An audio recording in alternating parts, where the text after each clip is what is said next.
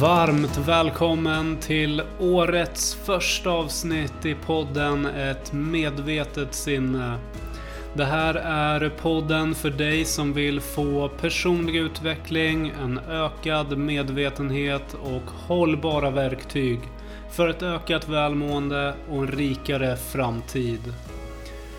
Vi inleder året med ett avsnitt tillsammans med den fantastiska Maria Högberg som idag tar med oss på en resa inom beroendets värld. Där vi i del 1 går igenom allt från hur ett beroende skapas till hur man får ett beroende att upphöra. Varmt, varmt välkommen Maria Högberg! Tack så mycket, kul att vara här. Yes, superkul att ha dig här. Eller på avstånd, du sitter i hus i Linköping var det va? Jönköping. Ja, du ser. Köping står Köping, ja. ja. Morgonmänniska, det är jag. Ja, men Jönköping ligger ju ganska nära Linköping i alla fall. Ja, precis. Jag, har faktiskt, eh, jag är uppvuxen ganska stor del av min uppväxttid i Linköping, så att eh, det kanske är dialekten som förvillade dig där. Mm, ja, men vi säger så. Vi, vi, vi räddar det på det sättet. Ja. ja, härligt. Uh, jag tänker så här för de som är med oss här idag Eh, så tänker jag att du får börja med att bara berätta kort, liksom, vem är det vi har med oss här idag?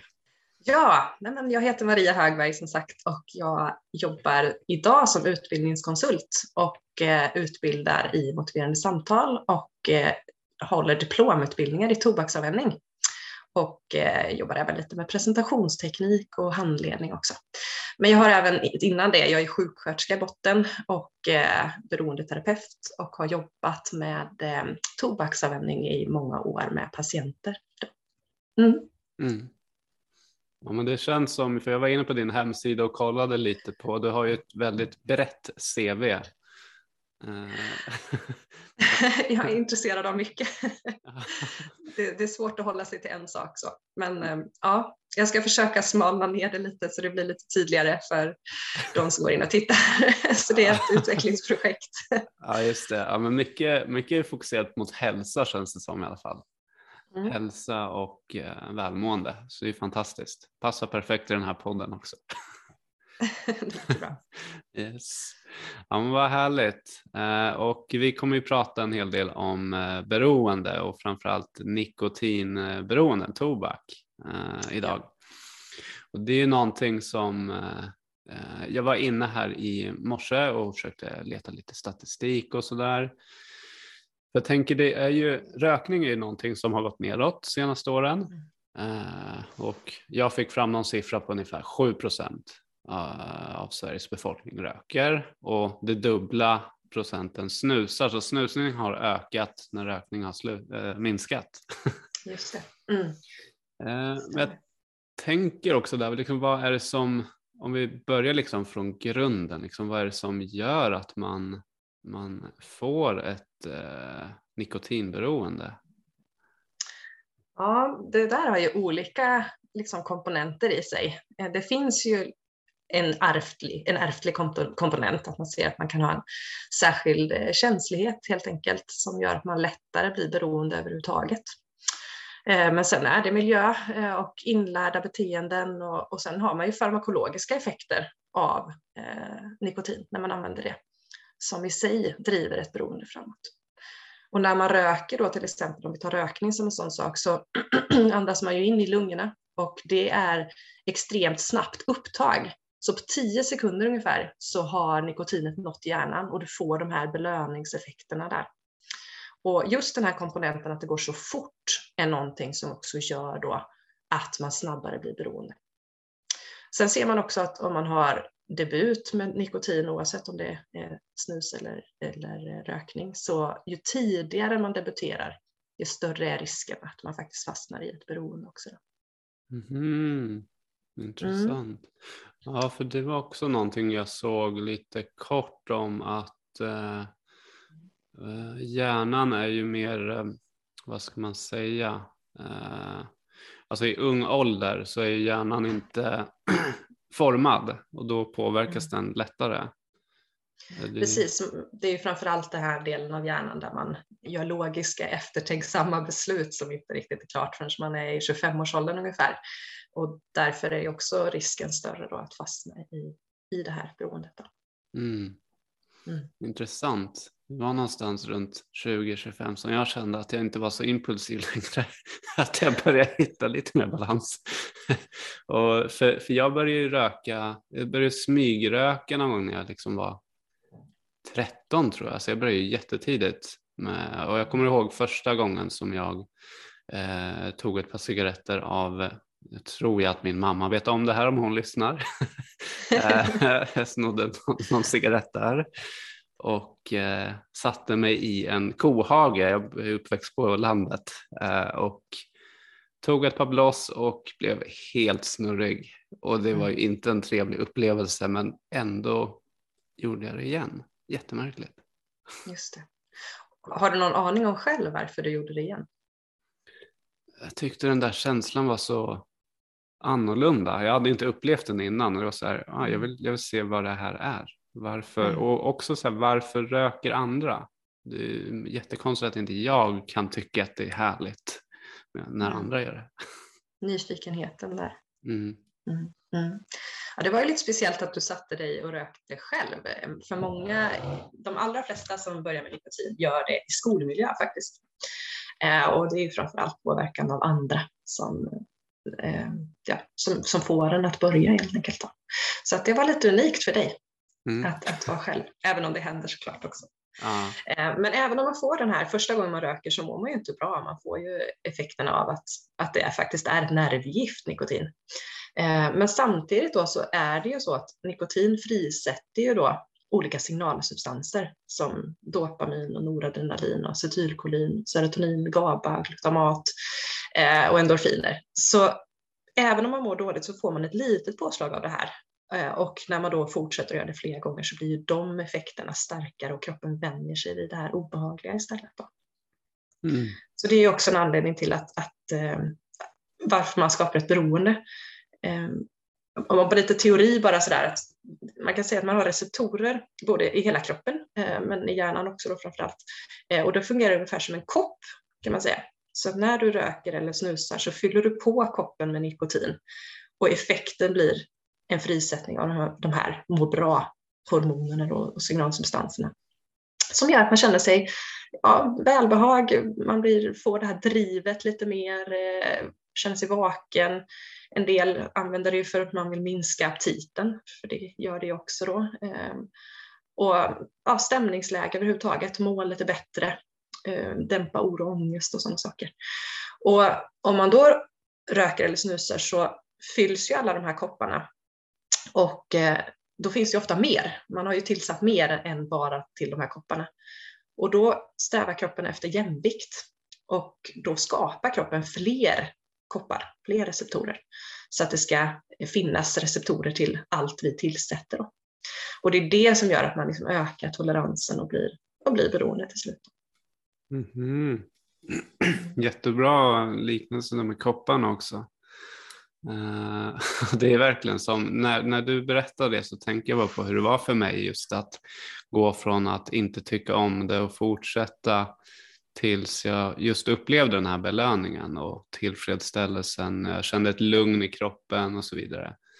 Mm. Eh, också det här med, som du säger, med skolmiljön. Jag eh, provade snus också första gången jag var kanske också runt 13. Liksom. Och det var också efter en fotbollsmatch. Då var det en kompis som sa att ja, jag har hittat en snusdosa, ska vi inte prova? det, var, ja, det var inte jättehärligt, men alla, vi var tre stycken då eh, som provade och de två andra snusar ju och har gjort det sedan dess. Mm. Men jag tyckte snus, det gav en alldeles för snurrig effekt för mig. Rökning mm. var lite mildare och jag hade rökt, provat röka innan också. Just det. Mm. Ja, snusens första, första dos där kan ju absolut få många att må illa och liksom bli, bli riktigt dåliga faktiskt. Mm. Och det tycker jag ju som tobaksavvänjare är bra då för att det gör ju att en del i alla fall inte fortsätter av, av de här ungdomarna, eller ganska många får man ändå säga. Mm. Ja. Ja. Skulle man kunna säga också, om man hoppar in på just här, när man väl blir beroende eh, eller liksom får den här kicken, att det här kan vara, är det här också så en importal till liksom ännu mer, när jag tänker på alla de här kopparna, om man fortsätter mm. liksom snusa och röka i större mängd så kommer man behöva ännu mer koppar att fylla på. Det, till slut kan man inte få det av kanske nikotin. Ja, precis. Man har ju sett faktiskt studier, om jag inte minns fel, nu kanske jag inte ska slänga mig med namn, jag är inte 100 procent, men jag tror att han heter Engel eh, som har forskat i, eh, i Sverige på det här. Och eh, man ser ju tydligt att nikotin faktiskt är en inkörsport till andra droger helt enkelt. Och, eh, och man kan se framför allt det som är, det är ju många signalsubstanser som jag nämnde, men det som är den största effekten det är ju dopaminfrisättning det är det som gör att man känner kick, man känner driv, man känner engagemang liksom, i livet. Och det där frisätts ju av andra saker med. Det kan ju frisättas av mat och socker, eh, sex, spel, eller liksom alla droger som vi har i vårt samhälle, det är dopaminfrisättning. Liksom. Mm. Så att är man om man tidigt liksom aktiverar det här belöningssystemet på konstgjord väg så här så är det självklart att man, eh, ja, då är det liksom lättare att, att, ta till andra saker som också ger den här bekanta kicken då som man vill åt. Men den blir ju starkare och starkare beroende på hur stark drog man tar. Mm. Intressant, mm. intressant. Och dessutom ser man ju också om man, om man tittar på personer som använder någon form av, av narkotika till exempel, så är det ju väldigt få som, som provar det som inte har rökt först. Eh, mm. Steget blir liksom längre ifrån att plötsligt ta till andra droger om man inte röker eller snusar. Ja, men det kan jag tänka mig att det är så. Det blir en, ett alldeles för stort hopp i att ta någon tung drog eller alltså som man vet ändå så här, ger en helt annan högre effekt. Man, man har säkert läst på förhoppningsvis i vissa fall så här, vad det ger. Och snus och rökning är ju så vanligt också. Det är även lagligt. Så därför är mm. det mer rimligt att börja med det. För de flesta är det så ja. Mm. mm. Mm. Yes. Ja, intressant. Och eh, jag tänker på just när det kommer till att man ja, men har haft ett beroende under ett tag eh, så har man ju påverkat hjärnan under en väldigt lång period och kroppen har liksom blivit van med att du ska ha den här belöningen av snus eller cigg eller vilket beroende man än har. Mm. Och eh, att då sluta är ju verkligen, det är ju en svår del. Det är ju för mig när det kommer till snus som jag, jag snusar ju och det är ju en en del som jag använder av att när jag jobbar exempelvis och så får jag en uppgift som kanske är på säg en timme, jag ska dra fram lite statistik eller någonting. Då tar jag en snus precis innan verkligen så här, nu går jag in i mitt mode. Och när jag är klar, då tar jag en snus som belöning. Och det mm. där är ju, det är ju inte hälsosamt tänker jag heller, beteendet. Nej, och det är intressant att du lyfter just det här för att det du beskriver, det är ju det som är Eh, eller nikotinets liksom dilemma som jag som avvänjare ser det då. att du kan använda det både som upp och nedreglering. Du tar en snus för att tagga till och skärpa koncentrationen och så vidare. Eh, och det är ju bland annat acetylkolinet då som kickar igång som gör att du blir mer vaken och, och sådär. Eh, glutamat för inlärning och sådär. Alltså du får ju olika positiva effekter av nikotinet då. Och sen när du är klar så kan du fortfarande ta det för att varva ner. Du påverkar serotoninet till exempel och du får avslappning och sådär. Eh, och det gör ju att det finns så många arenor för att ta nikotinet. Om du förstår mm. vad jag menar. Man använder det till så många funktioner i sitt liv. Det kan vara när man är uttråkad, det kan vara när man är stressad, det kan vara när man eh, behöver överarbeta eller vad det nu är. Så det är så mycket tillfällen där man har en anledning att ta det. Liksom. Mm. Och när man slutar, det är ganska intressant också då, så då är ju, kroppen har ju vant sig, eftersom det har blivit då fler koppar, om man säger till flera sektorer, så är man ju van vid en högre nivå av till exempel dopamin. Och när man då slutar så kommer det här nedregleras. Eh, de här kopparna kommer bli inaktiva och liksom somna om man säger så. Och det tar ungefär fyra veckor innan det har liksom normaliserat sig. Men det tar Ja, det, man kan inte säga exakt hur lång tid det tar, men det tar ganska lång tid eh, innan Alltså när man tar bort den här konstgjorda vägen att få dopaminfrisättning så är dopaminnivåerna lägre hos dig som före detta nikotinanvändare än vad det är för en person som inte använder det. Så man blir lite låg. Man har inte liksom samma driv, samma engagemang, samma välmående eh, ett tag. Det, det, är en period att ta sig upp igen helt enkelt. Mm. Mm. Ja, intressant. Ja, men så är det ju verkligen de gånger jag har, alltså när jag slutade, jag slutade just nu, eller röka ett eh, x antal gånger för jag försökte verkligen sluta men det var så här, det var också socialt, väldigt, väldigt socialt kopplat att uh, gå ut och röka, träffa folk och ta en cigg eller fråga någon om en tändare. Det var väldigt, väldigt socialt kopplat allting. Mm. Och när man väl slutade och likaså när jag har slutat med snus så är det ju precis som du säger under första perioden så man känner ju sig väldigt deppig eh, och hängig och energilös. Jag kommer ihåg en tidigare lärare jag hade på grundskolan. Eh, hon sa, för det var så roligt för hon sa det att hon skulle sjukskriva sig ett tag och vi undrade varför, vi elever. Hon sa att hon skulle sluta röka och hon kommer bli vansinnig så hon ska låsa in sig i huset. jag sa, okay. Underbart. Ja. Ja, fantastisk människa. Hon klarade det också. Hon gjorde det, ja, vad ja. härligt. Ja. Mm. Men det där har jag faktiskt också mött hos patienter, en del som faktiskt väljer att ha det som strategi. Att ja, men jag låser in mig i lägenheten eller huset liksom, första veckan, så det är liksom det som får, får funka. Så. Ja, man får mm. hitta sitt sätt liksom och göra en plan och det är ju så vi jobbar faktiskt i tobaksavvänjningen också. Mm. Att man eh, faktiskt slutar, man lägger ett stoppdatum lite längre fram eh, för att göra en plan hur man ska göra det så att man är förberedd för då är chansen att lyckas betydligt större. Mm. Så man ska sätta mer ett, eh, om man säger som jag, jag ska sluta snusa. Mm. Eh, och det bestämde jag mig för ett par månader sedan. Eh, att det verkligen, verkligen ska sluta. Och jag har ju trappat ner nu och så. Alltså datumet var väl typ så här, ja men när jag har mitt samtal med dig eh, så kommer jag också så här, ja då tar jag min sista dosa för här kommer jag ju få information också som jag behöver. men underbart, jag hoppas verkligen du får den effekten. Jättehärligt. Eh, ja, men, eh, är det okej okay att jag berättar lite grann om, om hur vi brukar jobba då så du får med dig lite verktyg? Gud ja, gud ja. Kör, kör. ja, nej, men när någon kommer till en tobaksavvänjare så brukar man prata och kolla lite grann hur, hur mycket röker eller snusar man idag och liksom hur, hur stort beroendet man har. Liksom. För det kan ju vara så att man har ett skadligt bruk, man kanske inte har så stort beroende och så finns det de som är jätteberoende.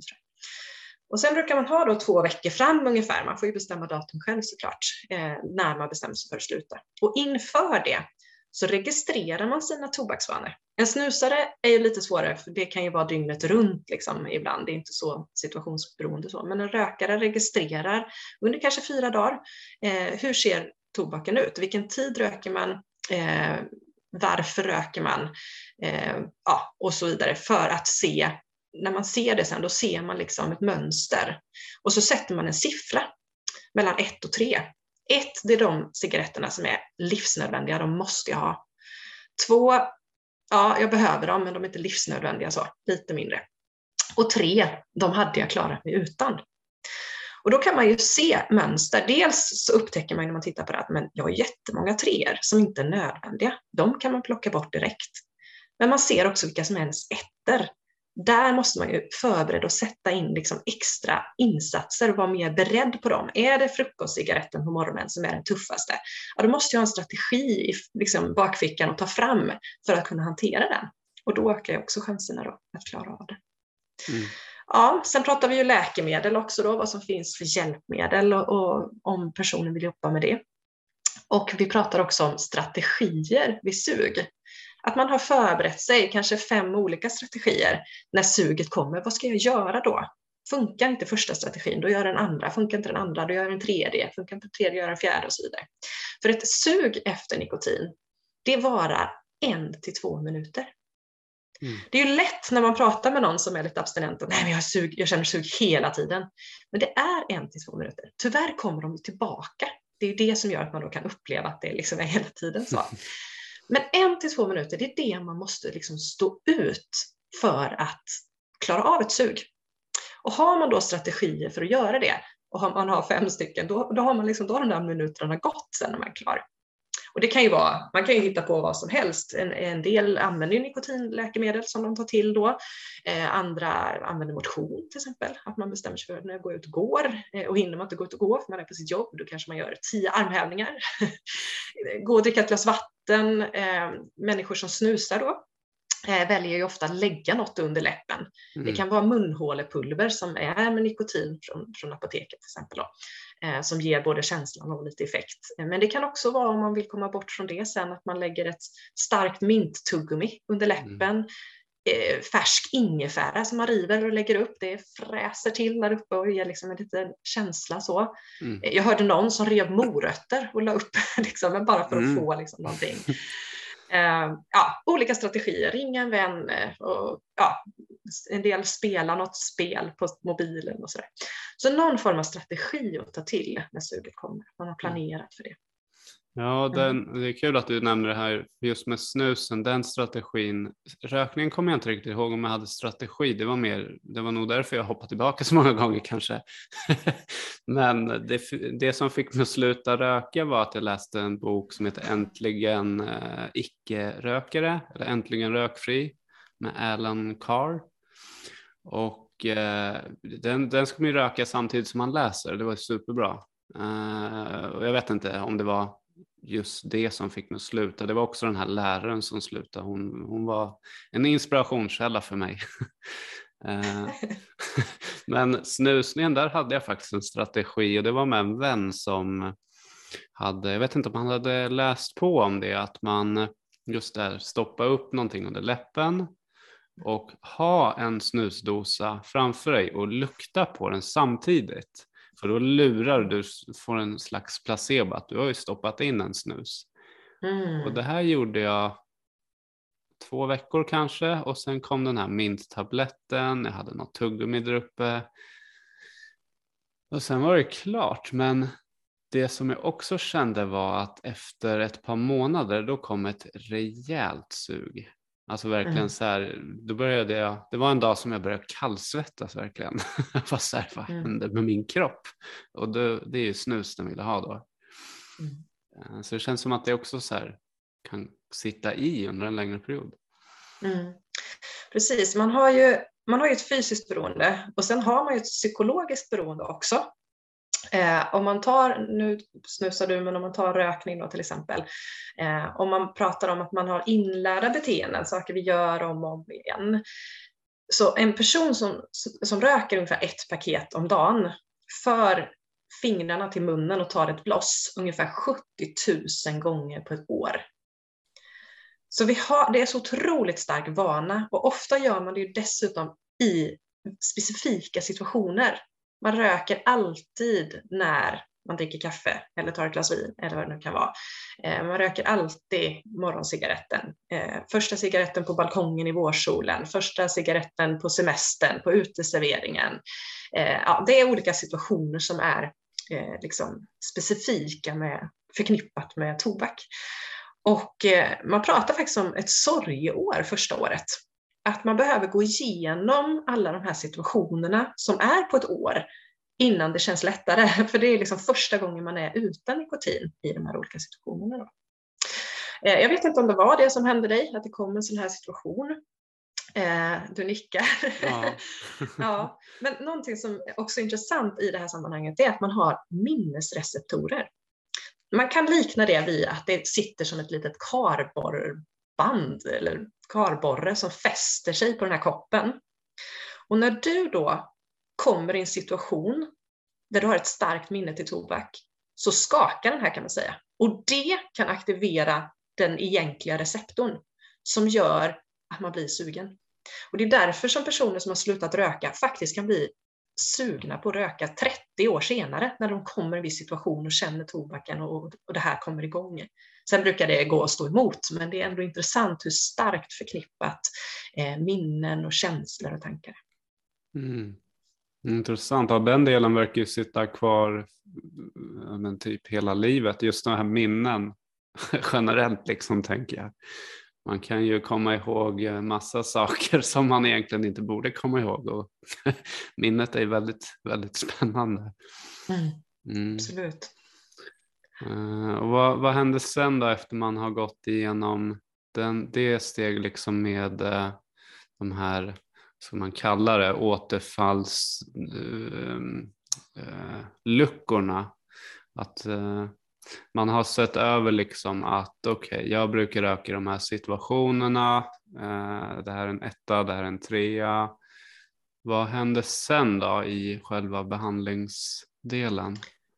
Ja, sen kommer ju stoppdagen eh, och då är det viktigt att man sista kvällen innan, alltså sista gången man använder nikotin, att man faktiskt gör sig av med allting som har med nikotin att göra. Eh, att slänga det sista man har hemma, eh, om man har attiraljer som hör ihop med det, till exempel vid rökning, askkoppar, tändare, allting så att man rensar ut så man inte har den här bakdörren att ta till. Sen om man, om man använder sig av en tobaksavvänjare och går på det så eh, då har man täta träffar de första dagarna. Så att man får, så man brukar träffas i, i tät anslutning, kanske till och med två gånger samma vecka när det är som tuffast. Sen glesa det här ut successivt. Och det handlar ju väldigt mycket om det här med strategier, det handlar om att förebygga, att förutse. Vad har jag kommande vecka framför mig nu som kan vara en risksituation att jag börjar igen? Eh, hur ska jag liksom planera för att klara av det här? Och så. Eh, man pratar ju om läkemedel som sagt och hur det funkar och försöker lotsa i det, hur man kan få hjälp där. Och sen successivt så glesar träffarna med tobaksavvänjningen ut. Mm. Man blir mer och mer eh, frigående så att säga. Då. Men man har stöd om man själv vill under ett år faktiskt, om man går till en tobaksavvänjare.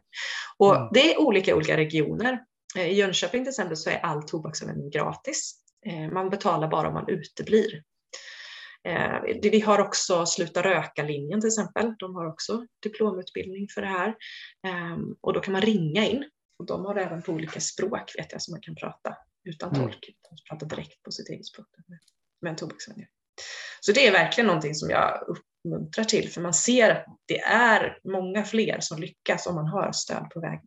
Mm. Ja men verkligen. Jag tänker det också just vid dem, alltså vid rökningen och snusningen. Så jag var inte själv när jag slutade heller. Jag hade ju liksom en, en eh, kompis som också slutade samtidigt. Så det hjälpte ju liksom att man kunde pusha varandra. Hur länge har du klarat dig? Hur känns det nu? Man kunde liksom bolla med någon. Mm. Så det är superviktigt. Och jag får bara en tanke nu om också så här, man pratar om att man får eh, högre dopamin och alla de här härliga känslorna.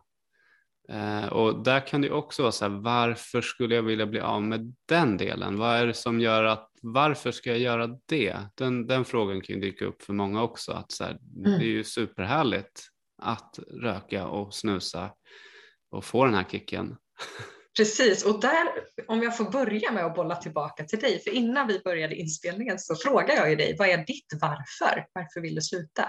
Mm. Eh, så jag skulle nästan bara, har du lust att ta det? Absolut. jag försöker komma ihåg det.